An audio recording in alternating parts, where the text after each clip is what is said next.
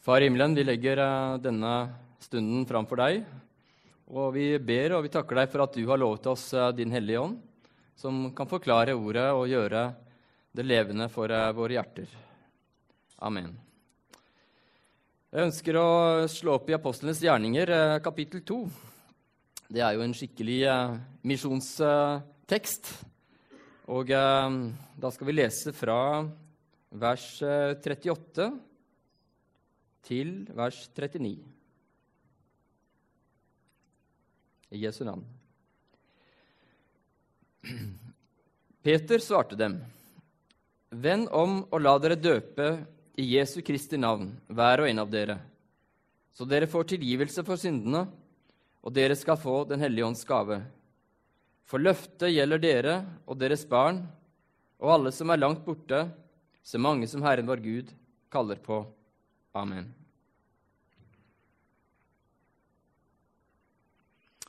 Vi har fått et løfte. Vi har fått et løfte. Og på dette løftet så har vi bygget hele vår menighet og alle våre menigheter. Vi har fått et løfte i Bibelen som gjelder syndenes forlatelse. Og det er det som er selve menighetens mål og hensikt. Det er nåden og syndenes forlatelse. Det finnes mange organisasjoner og klubber og lag, men det er ingen som har det målet at vi skal få syndenes forlatelse. Menighet det, det kommer fra det greske ordet Eller det, på gresk så er det det greske ordet eklesia, som kommer fra verbet kaleo. Og kaleo, det betyr kalle på. Så det som er sagt her på slutten, det er akkurat det ordet som, som menigheten bygger på. Så mange som Herren vår Gud kaller på. Og da gjelder det oss også, vi som bor høyt mot nord, og det gjelder de som bor langt mot syd. Det gjelder de som bor under ekvator, alle som er langt borte. Og det gjelder selvfølgelig også de som er nær, og de som bor i Israel. Men de fleste av oss bor langt unna. Og alle har vi fått dette løftet. Det er dette som er selve frelsesgrunnlaget vårt og vår tillit til at Gud har, har, har tatt oss inn til, til, til seg som sine barn. At vi er kalt av Gud. Og da kan vi kanskje tenke ja, da er vi kalt av Gud. Da kan vi sitte her og motta syndens forlatelse. Ja, det er riktig. Det kan vi. Men dette er et verb. Og et verb, det er noe dynamisk. Og Gud kaller, og han fortsetter å kalle. Det vil jo si at, at en menighet det er et dynamisk begrep, altså. Et menighet, det er et verb. Jesus befalte oss å gå ut og gjøre disipler, og så lære dem å holde alt det som han har befalt oss. Og døpe oss, døpe de i navnet, navnet sitt navn, Faderen, Sønnens og Den hellige ånds navn, og lære å holde alt det han har befalt de. Så Kaleo betyr også det at Gud kaller på nye mennesker. Gud kaller på stadig nye mennesker. Han har ikke stoppa med det. Han fortsetter å kalle på nye. Og da har vi misjon. Og da ser dere jo at eh, misjon og menighet det springer ut av det samme begrepet. Ja, det er riktig at misjon har en annen betydning for eh, selve misjonsbegrepet det, det kommer eh, fra det som betyr utsending. For når eh, en krigfører skulle, hadde vunnet et, et, slag, en krig, så sendte han en utsending til kongen for å si at de har vunnet. Og det var en misjon. En som representerte kongen.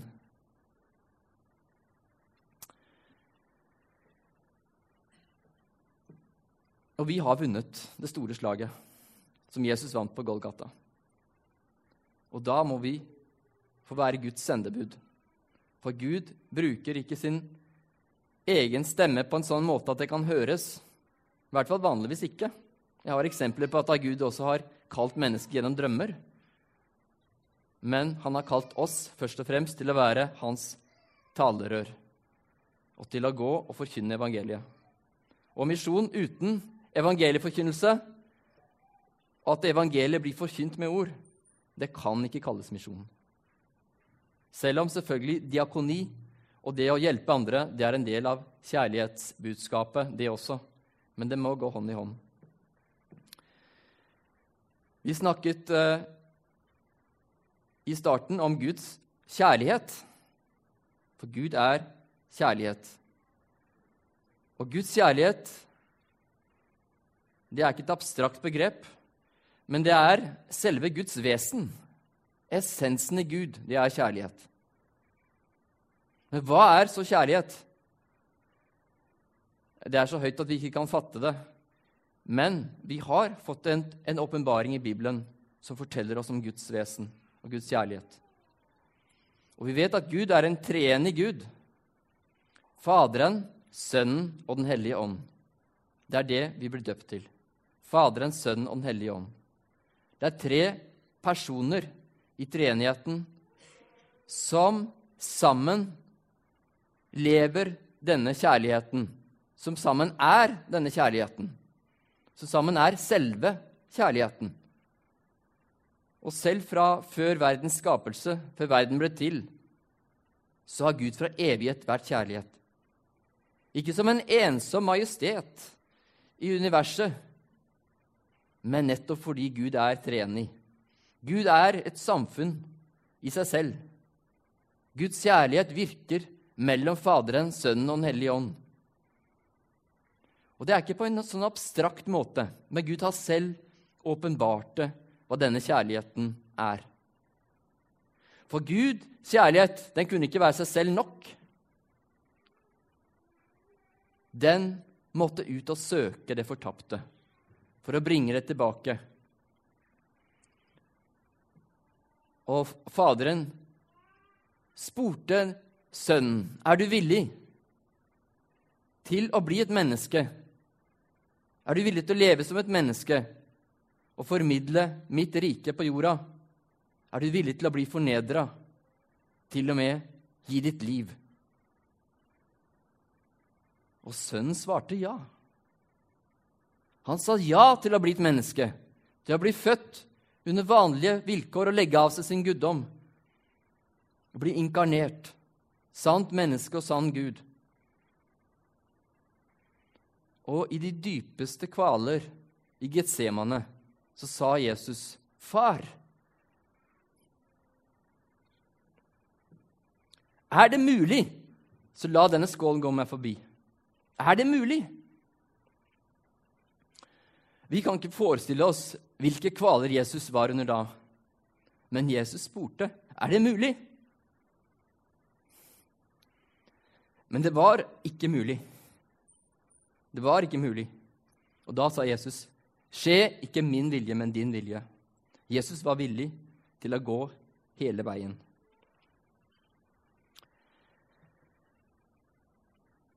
Og denne relasjonen i kjærlighet, den fortsetter. Fordi når Jesus sto opp fra de døde den tredje dagen, så ble han reist opp ifra døden og satt ved Guds høyre hånd. Han fikk tilbake sin herlighet, som han hadde før. Han ble gjennomsatt. Han var alltid Guds sønn, men han ble avkledd sin guddommelighet, sin herlighet. Han var villig til å fornedre seg selv og bli et menneske, står det. Men Gud reiste han opp igjen. Han visste at Gud, Faderen, ville reise han opp igjen den tredje dagen. I full tillit til det sa han at det er fullført. Og så var det fullført, men det var ikke fullendt, fordi Jesus sa nå skal jeg dra til Faderen, og det er til gang for dere, for da skal jeg sende dere Den hellige ånd. Den skal bli hos dere og veilede dere til den fulle sannhet. Og vent her til dere får Den hellige ånd. Fordi misjonsoppdraget, eller det vil si kallelsen, det å få fortelle dette her til alle, at Jesus har, har, har, har tatt våre synder på seg Denne oppgaven, det var Åndens oppgave, Den hellige ånds oppgave. Å fullende frelsesverket. Og her får vi som menighet bli del i en guddommelig relasjon. For vi blir tatt inn som Guds barn, ja, inn i Guds kjærlighet. Og denne Guds kjærlighet er dynamisk. Ved Den hellige ånd så fullender Sønnens frelsesverk. Så blir vi tatt med i denne relasjonen, i denne kjærligheten, denne bevegelsen ut til hele verden. Så så intimt blir vi tatt med i Guds kjærlighet at vi får være med i denne evige trinitariske relasjonen mellom Faderen, Sønnen og Den hellige ånd. Får være med på det som Gud selv gjør. Og derfor så driver vi misjon. Derfor så ble de første norske misjonærer sendt ut i 1939 fra Misjonsforbundet til Kongo. Og så ble det offisielt startet i 1947 ved Empoya. Og Derfor så er også vi kalt til å være i Kongo-Brazzaville selv om misjonen har forandra seg mye siden den gang. Den gangen så var jo ikke Kirken selvstendig der nede, og det var misjonsstasjoner. I dag er jo alle misjonsstasjonene tatt over av Kirken, og det er jo menigheter. Og Kirken selv styrer jo hele Kirken. Og det er det vi ønsker. Det skal være en selvstendig og god kirke. Det har jo vi gjort en del av jobben vår. Det var jo de svenske som startet i 1909 med å sende ut de første misjonærene. Og så ble vi med etterpå. Så vi kan jo ikke ta æren for dette her. Og Det har vært flere andre misjonsorganisasjoner som også har vært inne. Men det er jo først og fremst svensk og norsk misjon som har vært med og bygget Kongokirken, som i dag teller 200 000 medlemmer, og som er den største demokratiske organisasjonen, da, for å si det sånn, i Kongo. Og det var jo derfor også vi fikk muligheten til å, å starte et prosjekt for syv år siden som eh, heter Organisasjonsutvikling, som går ut på å hjelpe Kongokirken til å fungere enda bedre. Og det er jo et veldig eh, pluss, altså et veldig eh, fjær i hatten, at, at Norad er med og støtter en kirke. Fordi de har ikke noen andre muligheter. Det er ikke noen andre organisasjoner som, som har tilsvarende god spredning, er tilsvarende demokratisk. Men likevel så er det veldig store utfordringer de har. Både på det med ledelse, kommunikasjon, teamarbeid og veldig mange ting som vi tar for gitt. Så vi har fått lov til å være med på denne prosessen og sett store forandringer i Kongokirken de siste seks åra. Og ting som dette her, dette tar tid. Men nå ser vi forandringer. Vi ser at uh, de har endra på hele økonomisystemet sitt. De styrer etter et budsjett før var det først en mølla, men nå er det budsjettstyrt. For eksempel.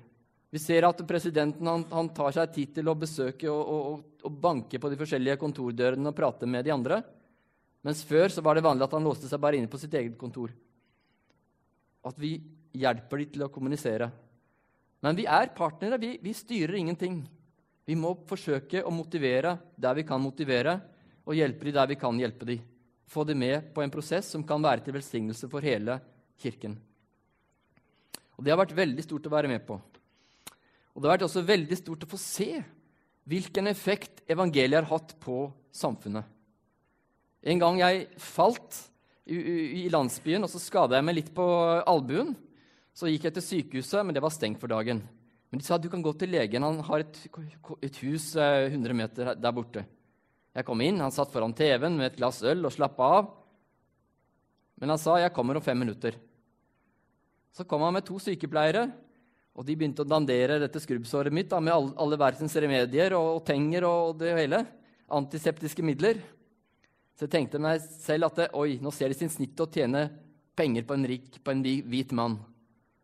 For vanligvis så får du jo ingenting på sykehuset. Du må kjøpe alt selv på apoteket. Men så sa han, nei, du skal ikke betale noen ting. Du er misjonær, ikke sant? Jo. Ja, du skal ikke betale noen ting.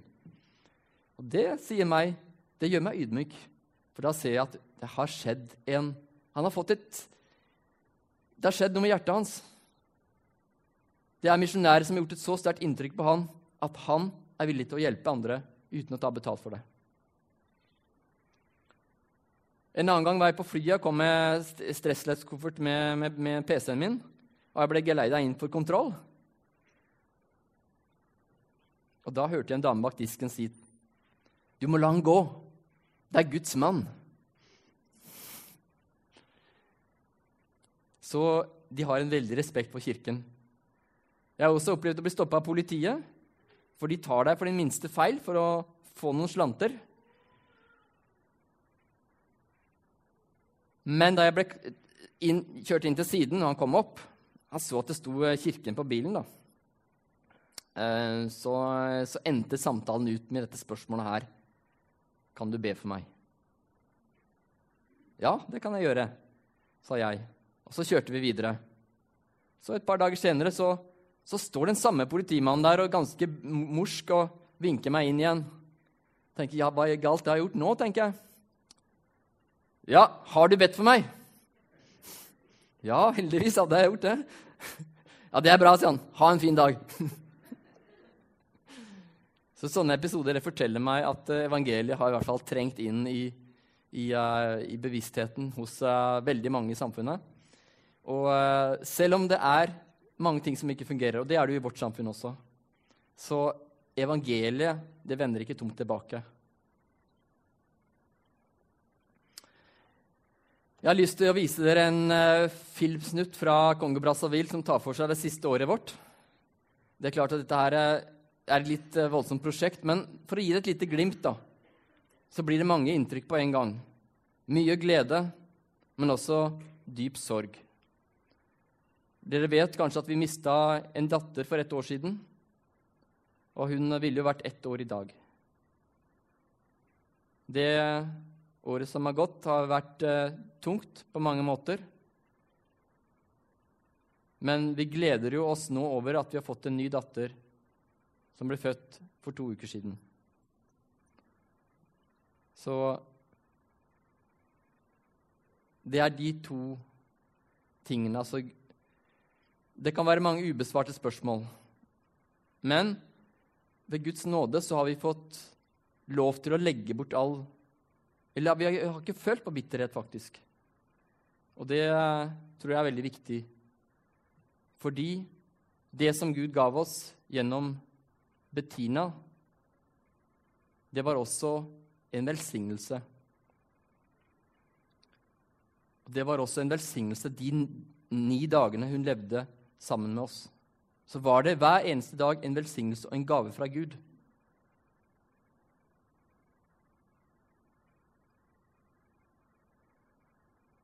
Og de minnene som vi har etter henne, de blir kjærere og kjærere for oss. Og Det er ofte sorgen som jeg ser at sorg, sorgrommet har dominert i starten. Og det vil alltid være der. Det vil alltid være der. Men gleden og de gode minnene, og minnene etter henne, de blir kjærere og kjærere. En tante av meg som også har mista et barn, hun sa at eh, den jenta jeg har mista, hun er alltid med meg. De andre barna de blir voksne, de reiser men hun er alltid med meg.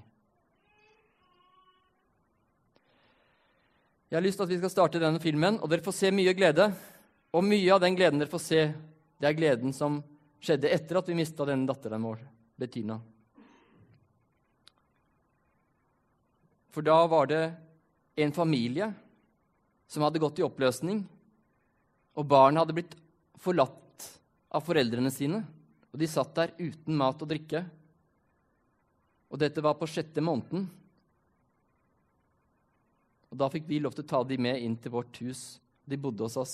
To av de bodde hos oss i to måneder. Og det var helt fantastisk å se gleden komme tilbake. Uh, og se smilet komme tilbake, og fargene komme tilbake. Det er ikke noe som egentlig er skrevet i min, min, min misjonsinstruks. Uh, men det er ting som vi har fått lov til av Gud lov til å være med på.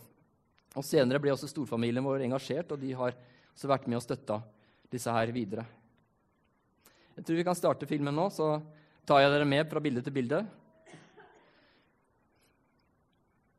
Vi starter med landsbyen, hvor er det startes nye menigheter den dag i dag.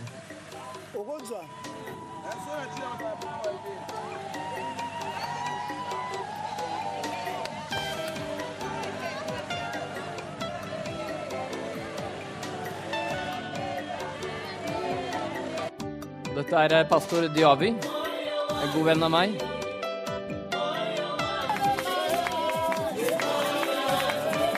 Han har vært med og starta mange nye menigheter i nord. Vi har også fått, uh, fått se at, at, det evangeliseringsområdet han uh, hadde ansvar for, har blitt et bispedømme. Hjemme i Brazzaville her er familien vår. Kona og tre barn her. Nis, som er med meg her, og Markus. Og Elias, som er der. Her er Elias, to og et halvt år gammel nå.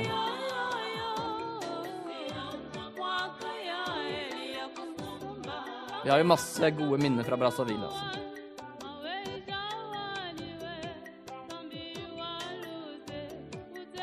Her er noen av de svenske som er der. Når jeg gifta meg i Bra i Kongo i 2007, så gifta jeg meg med hele familien. så eh, Og eh, her har vi menigheten vår, Kinsundi. Denne menighetsbygget er jo ikke ferdig, det ser jo ikke ferdig ut, men det fungerer jo helt perfekt. For det er kjempegod ventilasjon der. Så er det regntid. Da kan det se sånn ut utenfor der vi bor. Men jeg elsker barna. Det er noe de liker best. Det er regnvær. Hoppe i, i sølepytter og alt mulig. Her er hos min svigermor.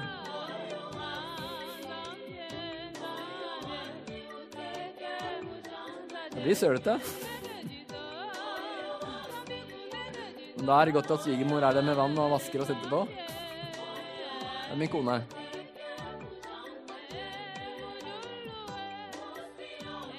Så Dette er storfamilie. Det er familien vår og også en del av slekta som er innom av og til. Hjemme i stua.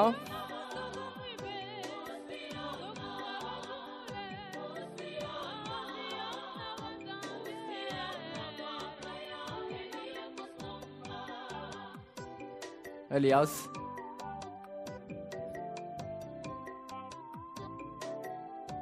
Det er mye glede blant kongolesiske barn.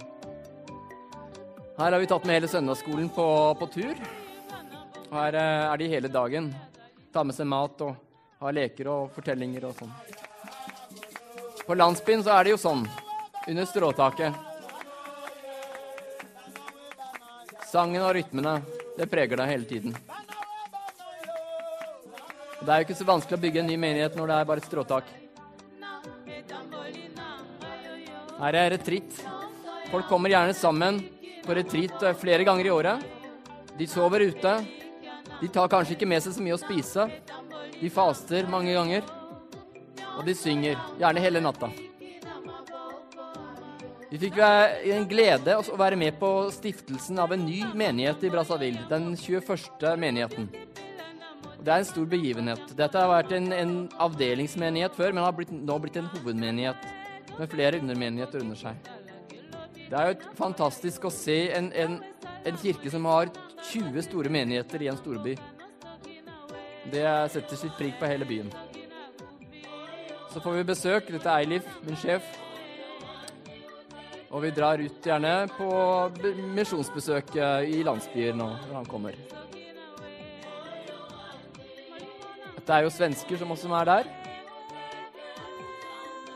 Det er Pirog, som er rett, rett i hovedstaden Brazzaville.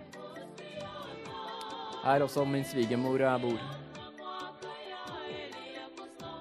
Så jordbruk, det er også jordbruksprosjekter.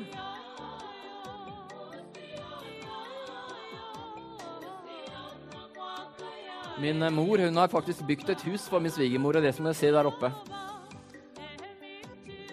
Dette er eh, fra prosjektet med organisasjonsutvikling. Her er fra en eh, topplederkonferanse hvor alle topplederne var i kirken eh, i november. Vi har også en del grenlandsmenigheter Unnskyld, Grenland har en del skoler som er med på et samarbeid i Kongo. Hvor de tar ansvar for 14 skoler i Kongo og er med og bygger opp de. Og det er veldig bra. Her har de også startet et vannprosjekt. Dette ble India nå i, høst, nå i, nå i vinter. Jeg har lyst til å fortelle at Kongokirken har fått en egen radio som ble starta nå i, i, fjor. Og Da har de mulighet til å nå utover hele Brazzaville. Og De startet klokka fem om morgenen og helt til klokka elleve på kvelden. Og Alt er programmert på data, så det, det fungerer. Jeg nevnte at eh, det har vært jubileum. Dette er 100-årsjubileet for Brazzaville, fra da misjonen startet i Brazzaville. Og Da var det jo en svær eh, leir utenfor Brazzaville med titusener av mennesker. Og masse program. Fotballprogram og, og konserter osv.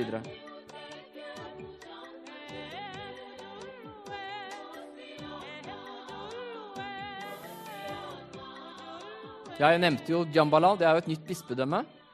Her var det jo bare et evangeliseringsområde før. Her er fra hovedmenigheten Djambala, hvor eh, pastor Dyavi har vært hovedpastor i seks år. Og det er han, han som har virkelig stått i bresjen for at de kan kalle seg et bispedømme. Her ser vi litt av rytmen igjen.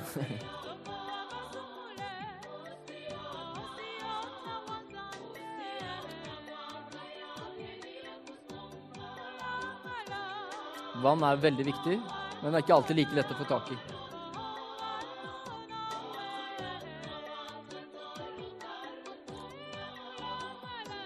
Vi har også noen steder husgrupper som møtes i hjemmene.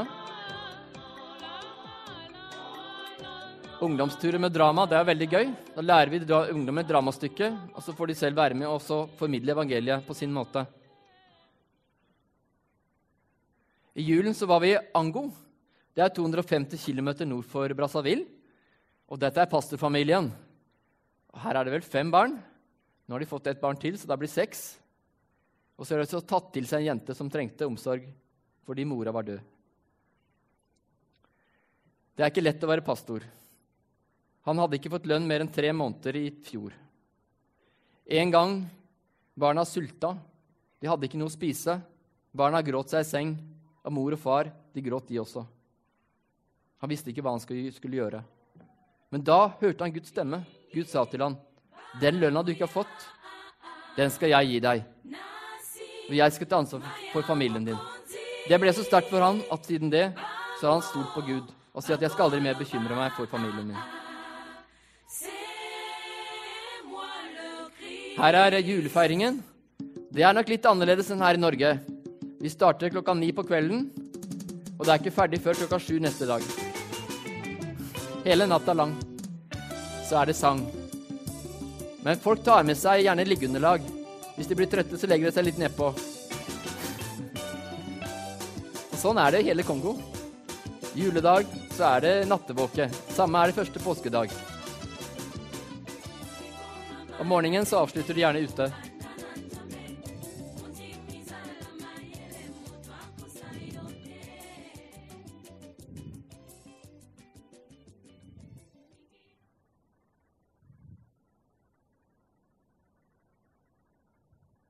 Vi hadde 4. mars i, i, år. Det var en kjempestor eksplosjon. Det var et ammunisjonslager som gikk i lufta, og det ødela flere kvartaler. Og flere bydeler, unnskyld. Tak, eh, tak på, tusenvis, på tusenvis av hus ble blåst bort. Granater ble slengt av gårde. Og eh, alle i, i et par kilometers omkrets ble evakuert av kvinner og barn. Her forklarer de altså at de har, denne granaten har eh, landa i deres by, da, bydel. Og helt i, i, horisonten der så var jo sentrum for eksplosjonen. Men du ser hvor, hvor stort omfang det har, da. Det er jo helt enormt. Så har det blitt oppretta flere flyktningleirer rundt omkring i Brazzaville. Det her er fra sentrum, hvor eh, moren forteller at barna fortsatt sover på bakken, og de har ikke myggnett. De får mat bare klokka 11 på kvelden så har vi fått lov til å være med og dele ut mat og, vann, nødvendige ting, og gjennom vår organisasjon. Vi har også fått smake mer av Kongo enn det vi ønsket. Det er uh, tøft for alle barn i Kongo, og veldig mange dør. Våre barn har vært på sykehuset fem ganger med intravenøst. Og Elias mista jo 20 av vekta si der. Jeg sa For ett år siden så fikk vi Bettina. Og dette er Nis og Bettina for ett år siden. Det er en flott jente. Hun var hos oss en uke, men så ble hun plutselig syk og fikk problemer med å puste. Og to dager senere så døde hun.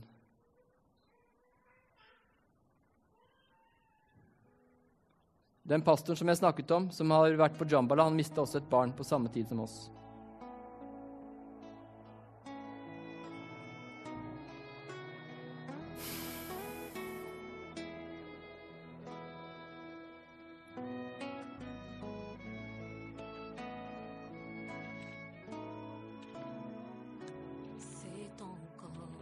C'est possible de vivre la gloire passive, de reprendre force, évitant la main cachée. C'est possible de voir fleurir l'amour cassé, les blessures de nos cœurs.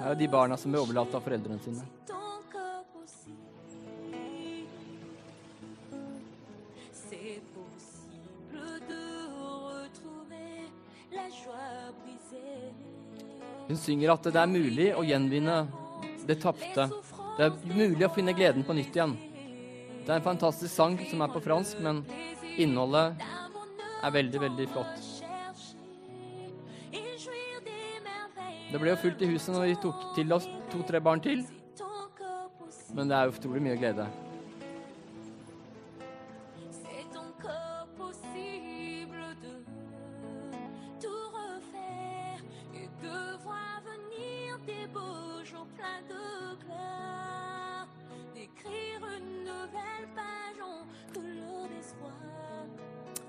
Så har jeg også lyst til for dere å presentere vårt nye fadderprosjekt. Vi ønsker å være med og hjelpe barn som har mista en eller begge sine foreldre. Og Dette prosjektet starter nå i høst. Og Det er mulig å være fadder for 250 kroner i måneden. Så være med og støtte dem med, med uh, måltid uh, fem, ganger, fem, eller seks ganger per uke. Og også hjelp til skolearbeidet. Og det, Hjelp til skolearbeid er jo kjempeviktig for at de skal kunne greie seg selv senere i livet.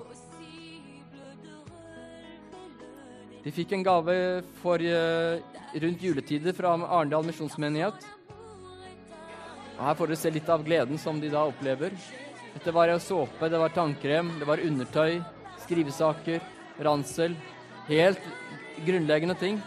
Men du verden så glade de blir.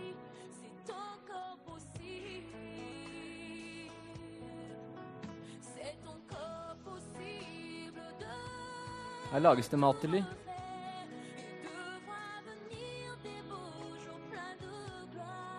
Her takker de Gud for gaven.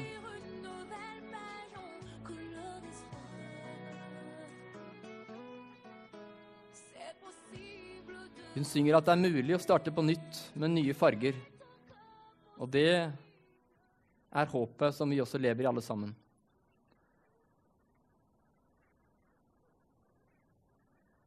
Det var det jeg hadde, og det er det inntrykket jeg ønsker å la dere sitte igjen med.